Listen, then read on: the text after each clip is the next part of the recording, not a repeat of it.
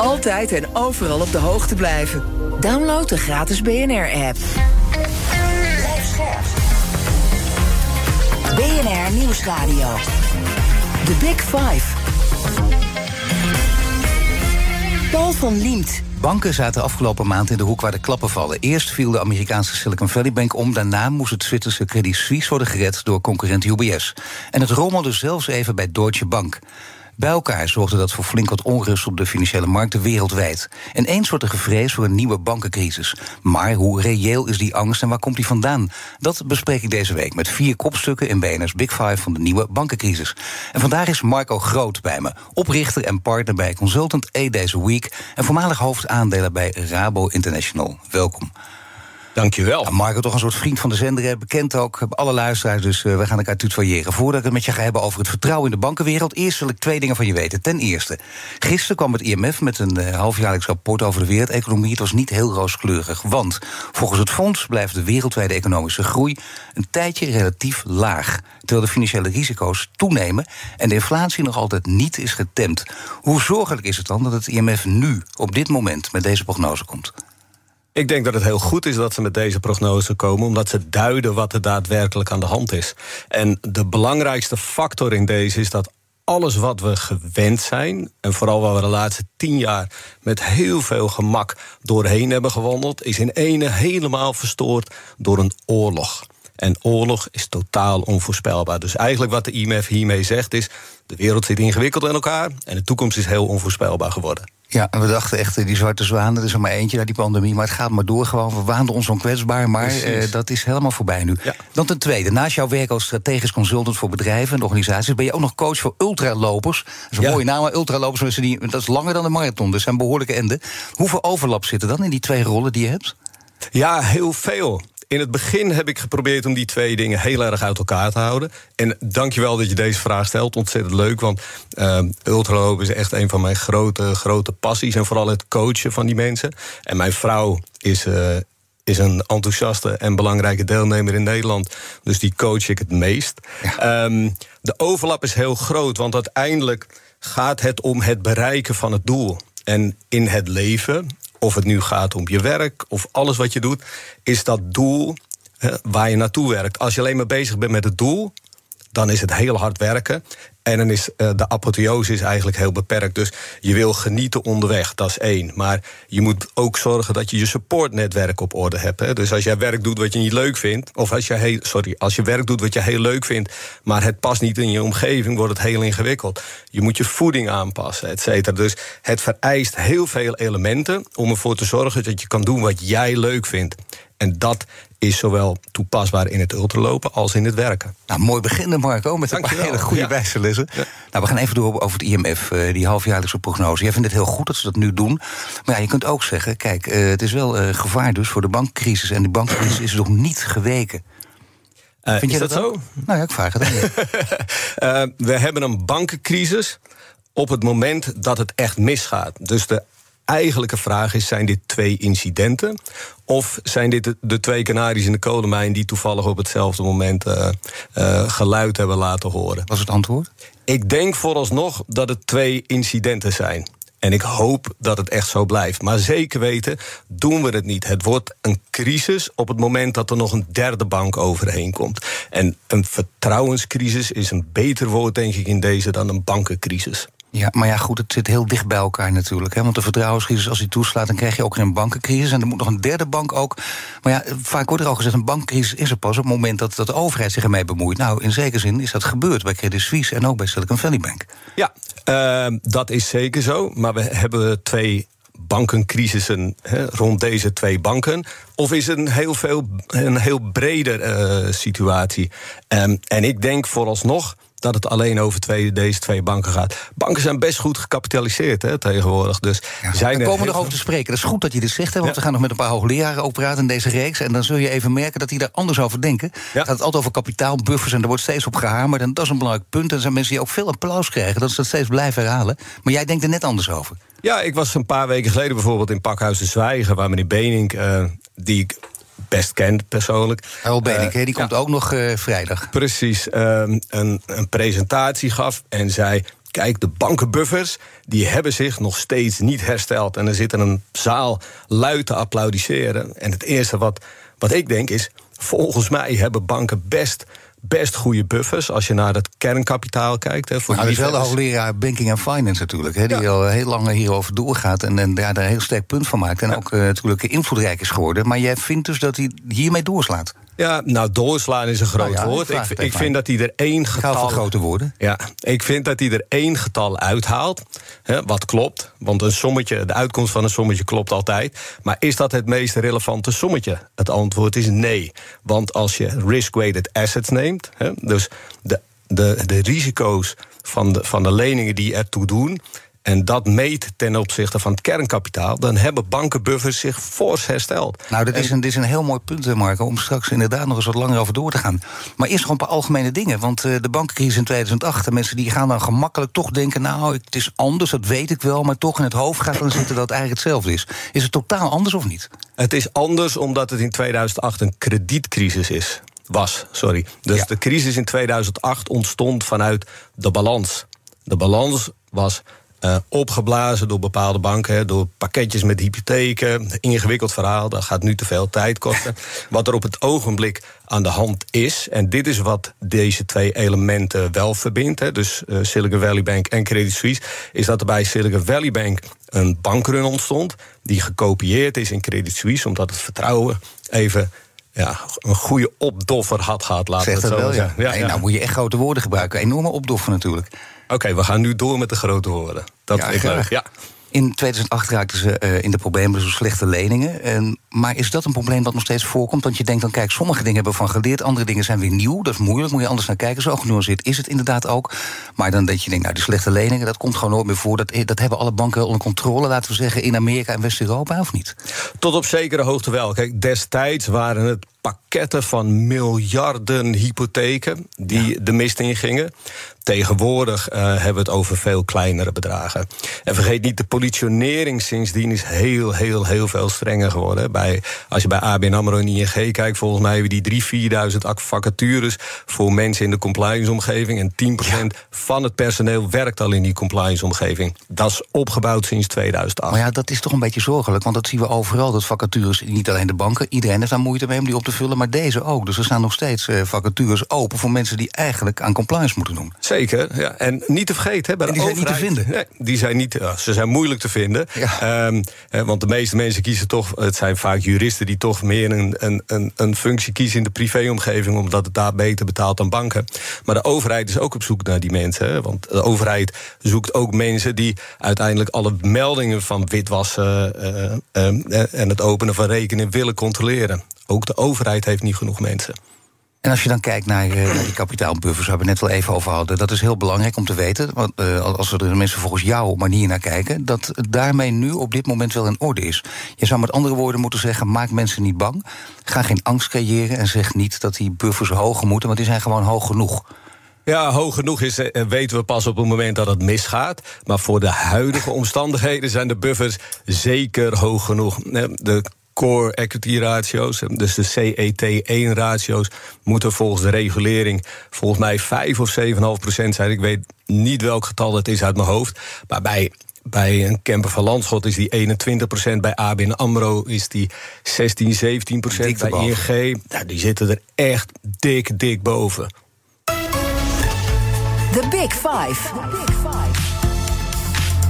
Paul van Liemt. Mijn gast is Marco Groot. Hij is partner bij consultant E Deze Week. Consultant is een adviesbureau. Hè? Een belangrijk adviesbureau E Deze Week. Dat betekent ook, er zit veel energie bovenop. Er is geen dag te verliezen. Het is eigenlijk eh, zeven dagen in de week gewoon te kort. Ja, waar wij vooral op sturen is dat je, dat je heel veel plezier moet hebben in de dingen die je doet. En als je dingen doet die je leuk vindt, dan kost het veel minder energie. En dan kan je er veel positiever in staan. Heel veel mensen hebben last van stress en burn-outs, et cetera. Dat is helemaal niet nodig als je durft beslissingen te nemen. Ja, dus dat betekent ook voor die vacatures die openstaan, waar we het net over hadden, bij compliance en zo, dan moet je gewoon leuk gaan vinden. En er geen stress van krijgen, geen burn-out. Is een mooie baan. Heel veel energie kun je ervan krijgen, of niet? Kun je er iets bij voorstellen? Ik, weet, ik, ik zou het niet leuk vinden, maar er zijn mensen die het fascinerend vinden om, om rechten te studeren en in ik compliance denk zeker met juridische eh, geest en geweten snap ik het huis dat je doet, ja. Ja, en daarom hebben we voor iedere functie andere mensen en hebben alle mensen andere interesses. Nou, je zegt drie banken, dan moet je oppassen. Als er nog een grote bank, als er daarmee misgaat, moeten we even uitkijken. Voorlopig blijft het bij twee, namelijk de Zwitserse Credit Suisse en de Amerikaanse Silicon Valley Bank. Mhm. Als we dichter bij huis beginnen, wat ging er precies mis bij Credit Suisse? Want er zijn toch verschillende analyses op losgelaten tot nu toe. Ja, als, volgens mij, als we het sterk vereenvoudigen, dan heeft Credit Suisse drie eh, divisies: vermogensbeheer, de investmentbank en de retailbank. Ja, de consumentenbank en, Ja. eh, de zakenbank. Bij de investmentbank gaan we, zijn we eigenlijk de laatste jaren van schandaal naar schandaal gegaan. Hè. Dat begon ooit. De leukste is de tonijnobligaties, waarin, Oh ja. waarin een Afrikaans land eh, als dekking voor de leningen tonijn mocht afgeven.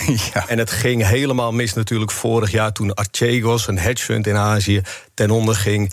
Miljarden kosten bij de investmentbank aan de prime broker, waardoor het eigen vermogen van Credit Suisse werd opgeblazen. Ja, dat vermogensdeel dat stond inderdaad door dit soort eh, echt schandalen, mag je zeggen, zwaar onder druk. Ja, bijna te gek ook. hè. Je kunt ook zeggen, het is creatief met die tonijnen, maar dat was een lachertje. Ja, en zo zijn er meer dingen geweest. Ja. Interne spionageschandalen, je kan het zo gek niet bedenken. We kunnen er James Bond films van maken. Vervolgens kwamen bij het derde kwartaal cijfers... kwam naar buiten dat het vermogen onder beheer... dus bij de tweede poot, onder de duizend miljard was gezakt. En dat was veel meer dan analisten hadden verwacht. Daardoor vielen de resultaten enorm tegen. En heel makkelijk gezegd, de kostenbasis van Suisse was 4 miljard... de opbrengst was 3 miljard, verlies van een miljard. Groot probleem. Nog meer outflow van vermogensbeheer, wat in december ongeveer gedempt was. En vanaf januari nieuw bestuur, nieuwe plannen. Toen bleek het bedrijf weer een, een basis te vinden waarop het verder kon vanuit de slechte situatie. Vanaf dat moment had het bouwen moeten zijn. En wat gebeurde er toen? Silicon Valley Bank in maart, gevolg bankrun bij de retailbank. En toen ging de derde divisie ook naar de ratsmedee. Ja, alle drie dus eh, weg. Maar je zag het bijna aankomen. Jij ook, want je had het al eerder ook over een opgeblazen businessmodel bij Credit Suisse. Ja. En daar was je niet de enige in. Jij gebruikte die woorden, anderen gebruikten net zo'n grote woorden eigenlijk hier. Dus dan zag je dat eh, lang aankomen. Hebben die toezichthouders dan echt zitten slapen? Nou, de toezichthouders. ehm, vind ik, vind de interne controle heeft gefaald. Dat is eigenlijk, dus vooral bij Archegos, de prime broker, die had veel, veel scherper moeten zijn op wat daar gebeurd was. Want dat is uiteindelijk de klapper geweest. En daarvoor was het altijd een beetje, dus buiten de, buiten de vermogensbeheerbanken, want het vermogensbeheerbedrijf van Credit Suisse is een fantastisch mooi bedrijf. Maar binnen die investmentbank is het altijd net een beetje op het randje geweest. Net, waarschijnlijk net buiten de lijntjes wezen kleuren. En dat heeft ze de kop gekost. Nou, wat ze nooit gedacht hadden, maar wat toch gebeurde gezien de situatie. Misschien wel de enige mogelijkheid. UBS neemt dan Credit Suisse over. En Ja. het gaat een heel proces worden om het in goede banen te leiden. En dat kun je niet aan Ralf Hamers overlaten. Terwijl hij zelf dan weer met een brede grijs naar buiten bracht. Nou, ik had het graag gedaan. Ik had een leuke uitdaging gevonden. Nou, de Ja. tekst die daar dan bij hoort op zo'n moment. Was dat echt alleen maar voor de bühne praten? Of denk je dat Hamers dat ook gewoon goed had gekund? Eh, geen idee. Ehm, ik ken Ralf Hamers niet persoonlijk. Ik weet waar hij woont. Eh, ik heb wat vrienden die bij hem Ik weet waar je woont. Ik weet waar je woont, Ralf. En ehm, ik weet dat hij een hele, hele grote zak geld heeft meegekregen om plaats te maken voor de meneer die het voor hem heeft gedaan. Het voelt een beetje als. Sergio Ermotti, hè? dat Ja, is ja, eh, iemand van, precies. van binnenuit. Van, eh, die, die Zwitserland kent. Ja, die heeft volgens mij vanaf zijn negentiende bij UBS gewerkt. Ja. Ehm, het voelt een beetje als een trainerswissel in de voetbalwereld. Ehm, ik, ja, ik, ik ken ze niet persoonlijk. Ik zou niet weten hoe ik daar een oordeel over moet Nou ja, eh, jij volgt natuurlijk ook alles. En je merkt wel dat eh, over Hamers wordt gezegd... nou ja, goed, hij is dan niet het type en er wordt er zakelijk naar gekeken. Maar ondertussen, ik bedoel, eh, de, de, dat OM-onderzoek... en de vervolging van witwassen van ING... speelt toch nu, nu het veel groter is en in de schijnwerpers staat... wel degelijk een rol, of niet? Bij deze. Ja, ongetwijfeld. Uiteindelijk kijkt iedereen naar je cv. En ben je dan sterk genoeg om een dergelijke fusie te leiden, ja of nee? Ehm, ik snap dat ze, dat, ze, dat ze een Zwitser daar hebben neergezet. Ze zeggen wel dat het een langdurig proces wordt. En met langdurig hebben ze ook mooi aangegeven wat ze daarmee bedoelen. Daar bedoelen ze mee, dat wordt zeker vier jaar. Tel er maar een jaartje bij op, dan denk ik altijd. Zeg vijf jaar, waarom doet het zo lang? Duurt het zo lang? Je, het begint bij het bordje op de voordeur. En, het, eh, en het logo boven de bank voor de retailbank, de, de pinautomaten. En het eindigt bij het in elkaar schuiven van allerlei compliance afdelingen, et cetera. Ik las dat er 36.000 mensen in de combinatie uitgaan. Zo. Ja, v- eh, dus het is volgens mij 70 plus 50, dat is 120, 130.000 mensen. Ga, ja, ga dan maar filteren wie eruit moet. Alleen al de stress die dat oplevert in het proces van. En vorige week gooide UBS weer een persbericht uit naar de Credit Suisse mensen. Focus vooral op je werk. Ja, hoe kan je in godsnaam focussen op je werk als je niet weet of je er morgen nog zit? Nou ja, dat zou jij kunnen zeggen van hey, deze week. Want goed, nou, dat is echt waar. Hoe, wat voor advies zou je geven? Want je zegt je moet vanuit waarde, je vindt het belangrijk en dan heb je lol in je werk en doe je het ook beter. Ja, en ik denk dat dat precies zo is. Als je op je stoel zit, zorg er dan voor dat je doet wat je leuk vindt en waar je achter staat. Ethiek is het allerbelangrijkste wat er is. Ethiek is een vorm van waarde. Ja, en als je wel die, eh, leiderschap nodig die dat echt uh, heel flink uh, Vooral aanduwt? persoonlijk leiderschap, hè, want het begint bij jezelf. Kijk eerst naar jezelf en dan pas naar buiten toe. Maar we kijken dan naar een wereld waar je het over ethiek praat. En mm -hmm. dat hebben we gezien, de voorbeelden, dat het hard nodig is. Maar er zijn veel banken omgevallen afgelopen jaren. We kunnen Amerika misschien met Europa vergelijken. Maar als je kijkt naar Amerika, hoeveel zijn er omgevallen in de afgelopen jaren, sinds 2008? Sinds 2008 465. Zo. Best goed, hè? Ja, ja dat, is best hoofd, dat zijn er veel, ja. En, en, ik in zelf opgezocht. in Europa niet. En in Amerika zijn in de laatste drie jaar geen banken omgevallen. En in de laatste vijf jaar zijn er drie omgevallen... waarvan um, we er uh, drie kennen natuurlijk. En Swiss uh, Silicon Valley Bank de grootste is. Maar ja, dan zie je toch dat het proces... dat, dat zijn er heel veel in relatief korte tijd... maar dat proces is uh, stand gehouden of tot stand gekomen. Um, ja, het omvallen. Maar het was natuurlijk in de laatste jaren heel makkelijk bankieren. Hè? Ik bedoel, de rente was bijna nul. Dus alles wat je rekent, van 0 naar 1 procent, is 100 procent marge eigenlijk. En dat, dat zorgde ervoor dat bankieren een heel makkelijk klusje was geworden. Maar toch even dat aantal nog van 465, dat is een enorme waarschuwing. Daar zou je ook steeds wel mogen herhalen. Maar hoe zit het in de EU? Heb je die cijfers paraat of iets nee, in de richting? Ik, heb, ik zou niet weten of... Uh, maar dat kan nooit zo hoog zijn? Nee, ik weet alleen dat, uh, volgens mij was Banco Santander... is de enige die ooit uh, gedefault heeft op een, op een AT1-lening. Dan wordt er steeds, ook door de mensen die het hebben over, over kapitaalbuffers, waar wij straks wat uitgebreider ook nog op doorgaan, uh, wordt er steeds gekeken naar Amerika en naar Europa. En dan wordt er gezegd, ja, kijk, in Amerika is dat misschien beter of liggen die buffers hoger, maar dat is ook onvergelijkbaar met Europa. Wat zijn de grote verschillen, de echt belangrijke verschillen tussen het Amerikaanse bankenstelsel en het Europese bankenstelsel?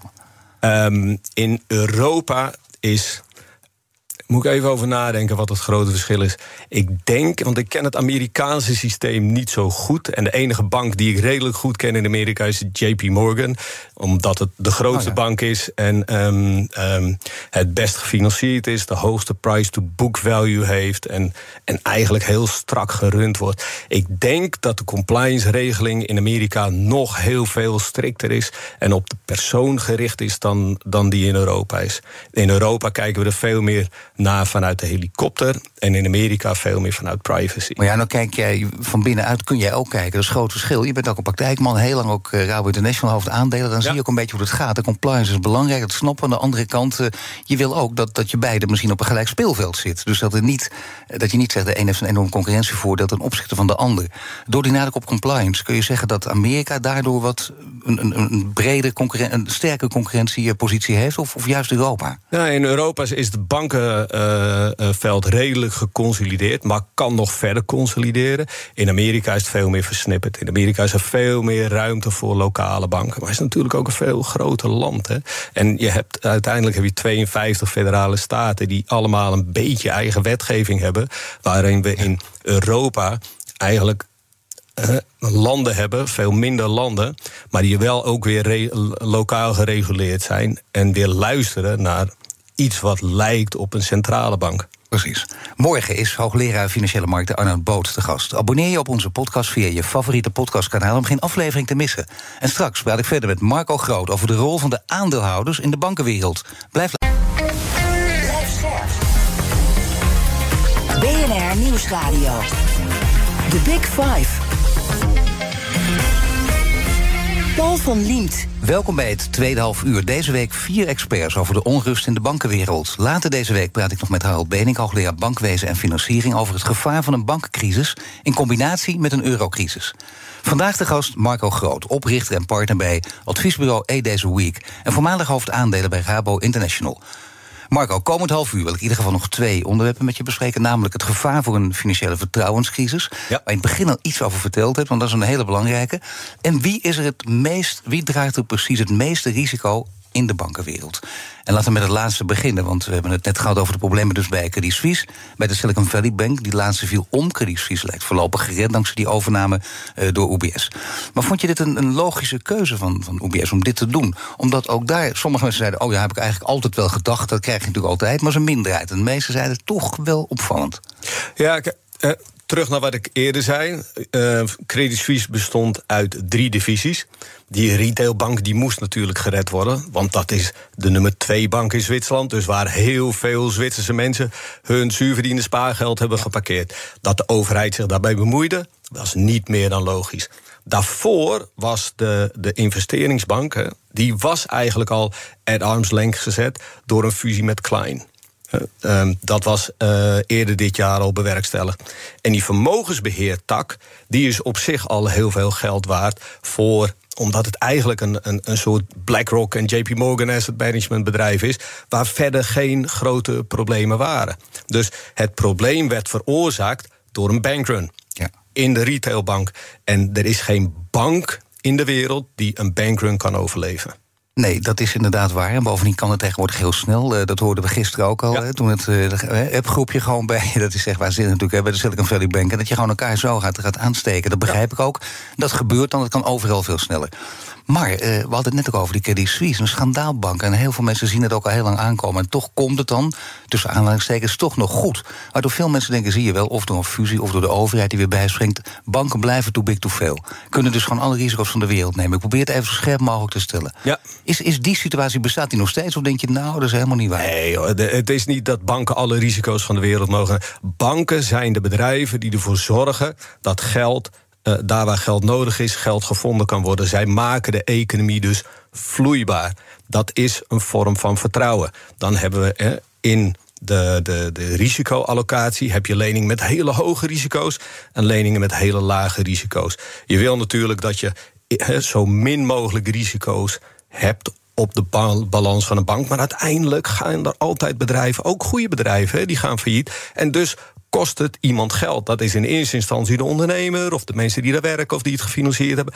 En het kan natuurlijk ook een bank geld kosten. Maar als je bijvoorbeeld naar hypotheken in Nederland kijkt. Hè, wij maken, banken nemen daar risicovoorzieningen voor. Hoeveel procent van de hypotheken falen op jaarbasis? Dat is echt maar een heel, heel, heel klein beetje. Daar zijn uh, stroppenpotten voor weggezet. En dat gebeurt ook voor risicovollere leningen. Dus in theorie zijn risico's afgedekt. Ja, in theorie. In de praktijk blijkt dat anders te zijn. En die risico's kun je natuurlijk groter gaan maken. En, je kunt grotere risico's nemen als je in je achterhoofd hebt. Daarom uh, noem ik het ook een paar keer. Too big to fail, dat zijn we. En dat zijn niet alleen de hele grote banken, ook wat kleinere banken. Zouden we daar langzamerhand niet van af moeten? Of moet je dat altijd, dat principe, altijd in stand houden? Ik denk niet dat alle banken too big to fail zijn. Uh, maar heel veel banken wel. Maar precies om die maatschappelijke functie. En dat risico moet ergens genomen worden. Gaat het niet door een bank genomen worden... dan verzinnen we vanzelf wel een ander instituut... wat het risico moet nemen. Daar waar ondernomen wordt moet geld gevonden worden om die onderneming op te kunnen starten of door te kunnen blijven financieren. En de bank is dan het instrument, maar om banken dan allemaal te demoniseren, wat heel veel gebeurt in deze maatschappij, ja, dat gaat mij echt heel, heel veel te ver. Oh, ja, wat natuurlijk in die tijd van alles gebeurd is, 2008 en nu weer, dan moet je oppassen en zie je wel, je hebt helemaal gelijk. En dan gaat het ook die kant op. En de banken zouden voortdurend moeten laten zien, kijk eens even, dat, daar kunnen wij niets aan doen en daar weer wel. Voortdurend klinkt verschrikkelijk bijna, maar toch zo duidelijk mogelijk uitleggen wat er aan de hand is. Ja, maar er is iets, er is een instituut wat een speelfunctie heeft in dit speelveld en dat heet een bank. Dus dat betekent dat alle problemen uiteindelijk bij de bank terechtkomen. En waar we naartoe willen natuurlijk in dit gesprek is dat wie betaalt dan uiteindelijk de rekening als het too big to fail is en hoe wordt dat door de maatschappij vergoed en hoe pijnlijk is dat allemaal wel niet. Maar we hebben instituten als banken nodig om de economie vloeibaar te maken. Tuurlijk, maar wie loopt er uiteindelijk dan het meeste risico?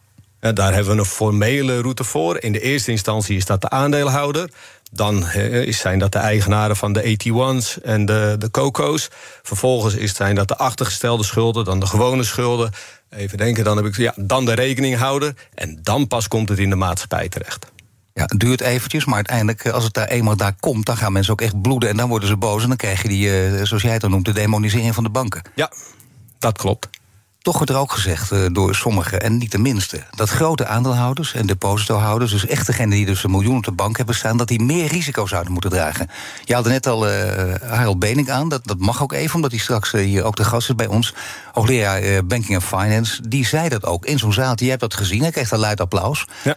Dus mensen vinden dat ook, denk ik dan. Dat is, wordt blijkbaar breed gedeeld, dat idee. Ja, het is altijd heel makkelijk om op tussen aanhalingstekens rijke mensen af te geven. En vinden dat zij moeten bloeden in zo'n zaal. En op andere podia wordt er dan gezegd de aandeelhouder. omdat bij de aandeelhouder de facto wordt uh, gedacht dat die mensen rijk zijn. Maar vergeet niet, er zijn ook heel veel pensioenfondsen en heel veel beleggingsfondsen die ook aandeelhouder zijn van banken. Dus wij zijn uiteindelijk allemaal aandeelhouder van banken.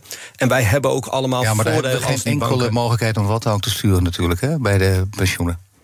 Um, nee, dat klopt. Ja, tot op zekere hoogte. Je kan een beetje je assetallocatie heel, heel klein beetje invloeden. Maar dan moet je er wel heel actief mee bezig zijn. Maar in principe, hoeveel kleine beleggers hebben we in deze wereld? Dus gaat het om de hoeveelheid geld of de allocatie van, uh, van jouw geld in je portefeuille aan financiële instituten? Tuurlijk, maar goed, die opmerking in dat zaaltje over die grote aandeelhouders en die depositohouders en waar je dan applaus voor krijgt, jij zat ook in dat zaaltje. Ja. Jij stond natuurlijk meteen op, of niet? En meteen roepen van wat is dit voor onzin? Ja, kijk, ik ben, ik ben best. Ik heb laten zeggen, een kritische noot geuit. Want ik, ik heb gezegd, joh, jij bent de directeur van het CBR... die niet eens zelf zijn rijbewijs heeft gehaald. Hè? Hoe kan je over risico oordelen als je zelf nooit risico hebt genomen? Dat zei je tegen Harold Benink in die zaal? Ja. En liep dat uit de hand of niet? Of incasseerde nee, nee, dat gewoon? Nee, nee, Kijk, dat is het fijne van discussies met academici. Het kan best hard tegen hard gaan. Wat je wil, maar uiteindelijk, uiteindelijk daarna is het, zijn het meningen die we vergelijken. Het is niet op de persoon. Maar ze slaan het wel op, en Marco. Ze denken, wacht even, dat zei hij toen in die zaal? Dat hoop ik wel. Kijk, want uiteindelijk van kritiek kan je het meeste leren. Ik luister het liefst naar mensen die het niet met me eens zijn. Mensen die het met me eens zijn, daar kan ik niks van leren. We kunnen het beste kijken ook naar, naar per bank eigenlijk wat er gebeurt is. Want zo genuanceerd is het ook. En als je dan kijkt wie het er hardst geraakt, is niet in het algemeen... maar wie is het hardst geraakt door het omvallen van Silicon Valley Bank?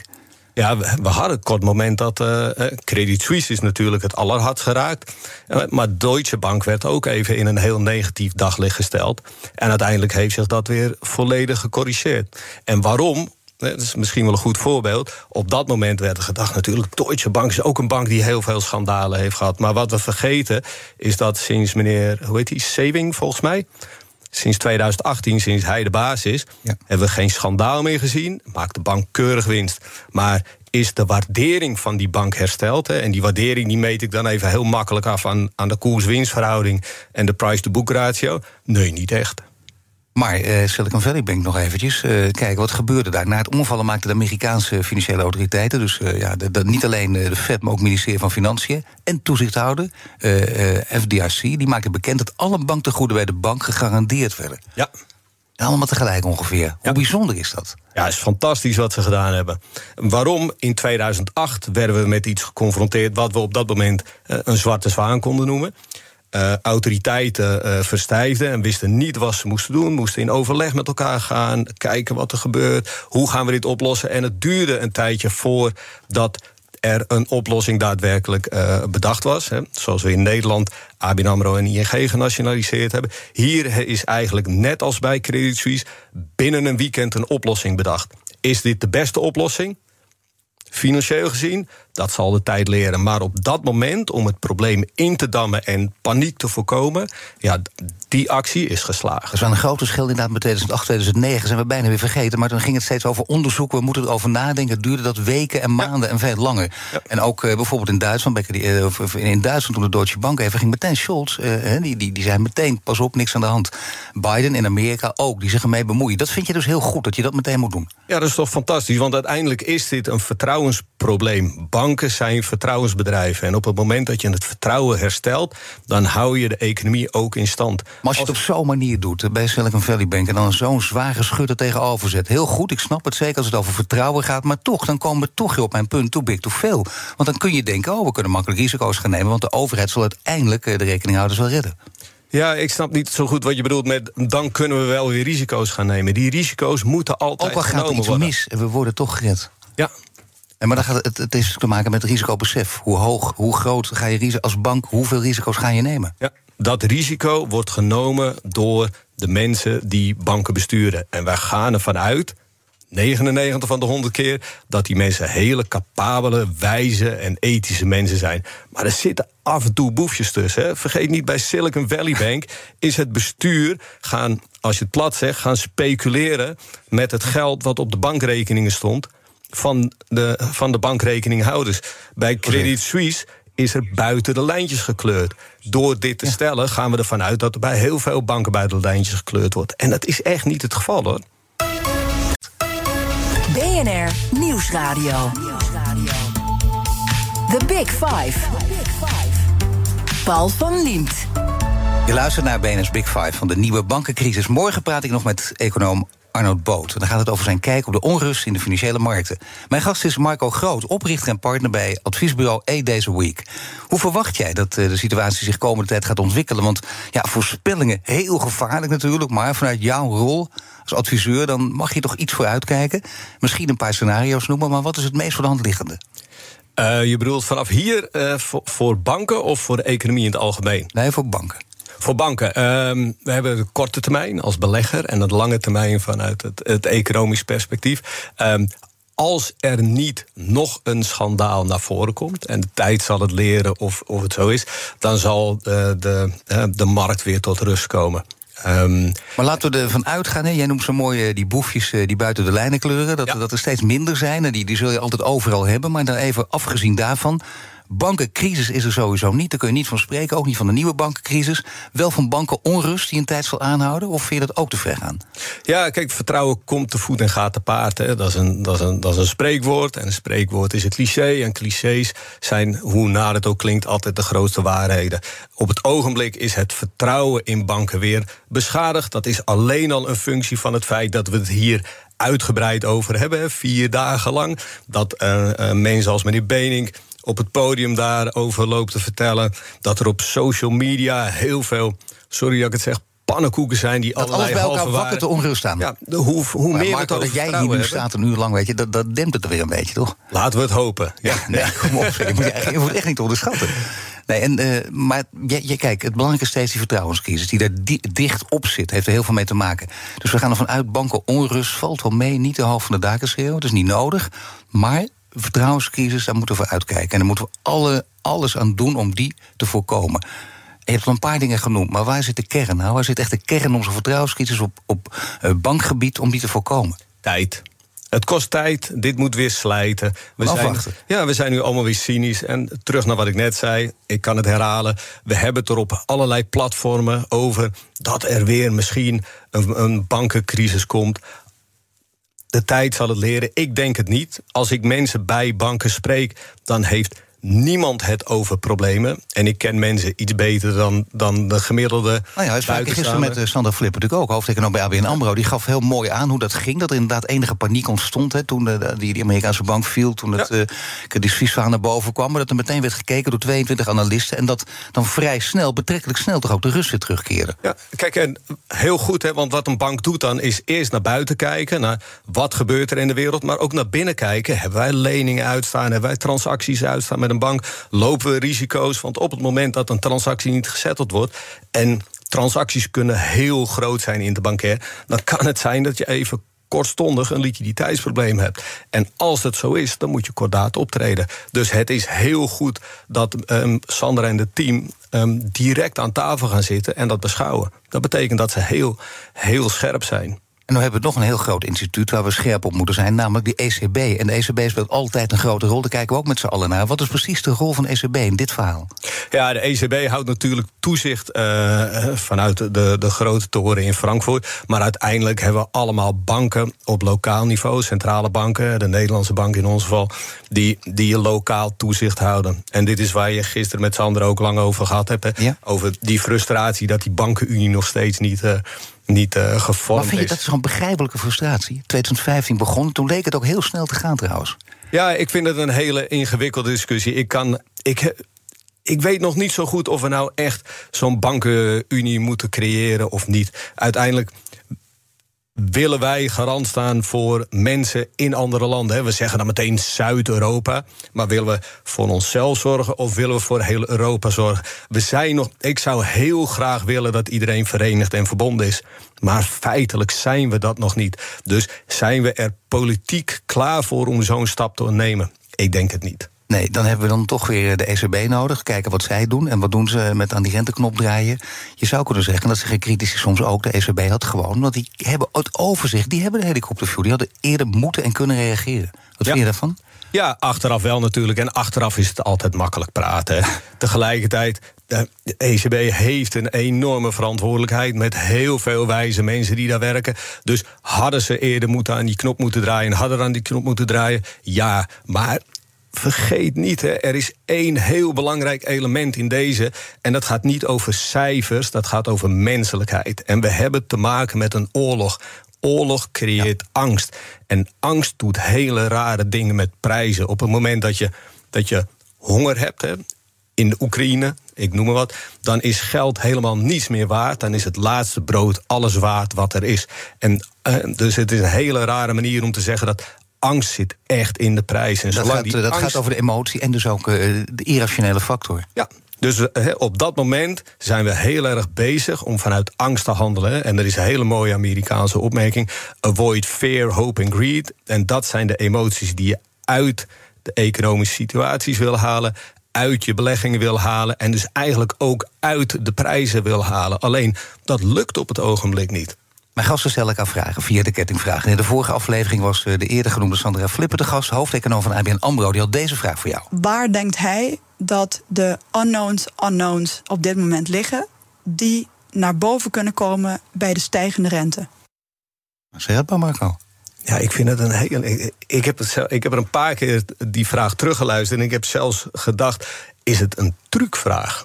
Want unknowns, unknowns kan je de facto niet weten. Nee, daarom vind ik hem juist heel leuk. Ja. Unknowns, unknowns kan je niet weten. Dus eigenlijk eh, de manier waarop ik deze vraag interpreteer is... is niet kan, kan, er een wending komen uit een totaal onverwassen hoek? Hè? Dus Donald Rumsfeld heeft ooit bedacht unknown unknowns... toen hij Irak binnenwandelde. Dus toen waren het eigenlijk geen unknown unknowns... maar toen waren het known unknowns. Het is beter om misschien Nassim Taleb... fantastische econoom, lees zijn boeken... als je geïnteresseerd bent in financiële markten. En Nassim Taleb die zei eigenlijk... we hebben zwarte zwanen en zwarte zwanen zijn dingen die je totaal totaal niet kan voorspellen en een enorme impact op de markt hebben. Dus bijvoorbeeld ehm, de aardbeving in Fukushima, 9-11 kredietcrisis is eigenlijk niet helemaal een zwarte zwaan. Omdat er mensen waren die het voorspeld hadden. Maar de pandemie weer wel. De oorlog in de Oekraïne ook. Dus het is, uh, denk ik, de vraag van Sandra: wat gebeurt er als de rente harder omhoog gaat? En dan is het natuurlijk heel makkelijk om een gitzwart scenario te schetsen. En dat zullen de, de, de economen die je de komende dagen ziet uh, waarschijnlijk ook doen. Ja, als ze de kans krijgen. Ja, precies. Maar ik zou willen zeggen dat het misschien leuker is om het vanuit positiviteit te bekijken. En dat als we dan in een hele nare situatie komen van een recessie en misschien wel een depressie, dan hoop ik dat we een keer vanuit menselijkheid gaan handelen en naar elkaar toe bewegen. En niet meer vanuit exclusiviteit en schaarste proberen de wereld in te richten, maar vanuit inclusiviteit. Er was een uitgebreid antwoord. Nu mag jij een heel korte, bondige vraag stellen aan de volgende gast, hoogleraar financiële markten, Arnold Boot. Dat wil je aan hem vragen. Ja, ik, ik heb heel lang. Uh, vraag 1 is: uh, zullen we een keertje lunchen? Want ik vind het fascinerend wat je allemaal zegt. Uh, en ik volg Arnold al heel lang met heel veel plezier. Ehm, maar belangrijker is, is dat hij is hoogleraar financiële markten. Dus hij is zijn hele leven volgens mij al een toeschouwer en een commentator. Maar als je nou een keer een speler zou zijn, op welke positie zou je dan willen spelen in het spel van de uh, risico en resultaat? En welke verantwoordelijkheid durf je dan te nemen? Ik dank je Marco Groot, oprichter en partner bij Consultant A deze week en voormalig hoofdaandelen bij Rabo International. Graag gedaan. Alle afleveringen van BNS Big Five zijn terug te luisteren. Abonneer je op onze podcast via onze app of je favoriete podcastkanaal om geen aflevering te missen. En nu Ivan van Rips met BNR Breed. Dag.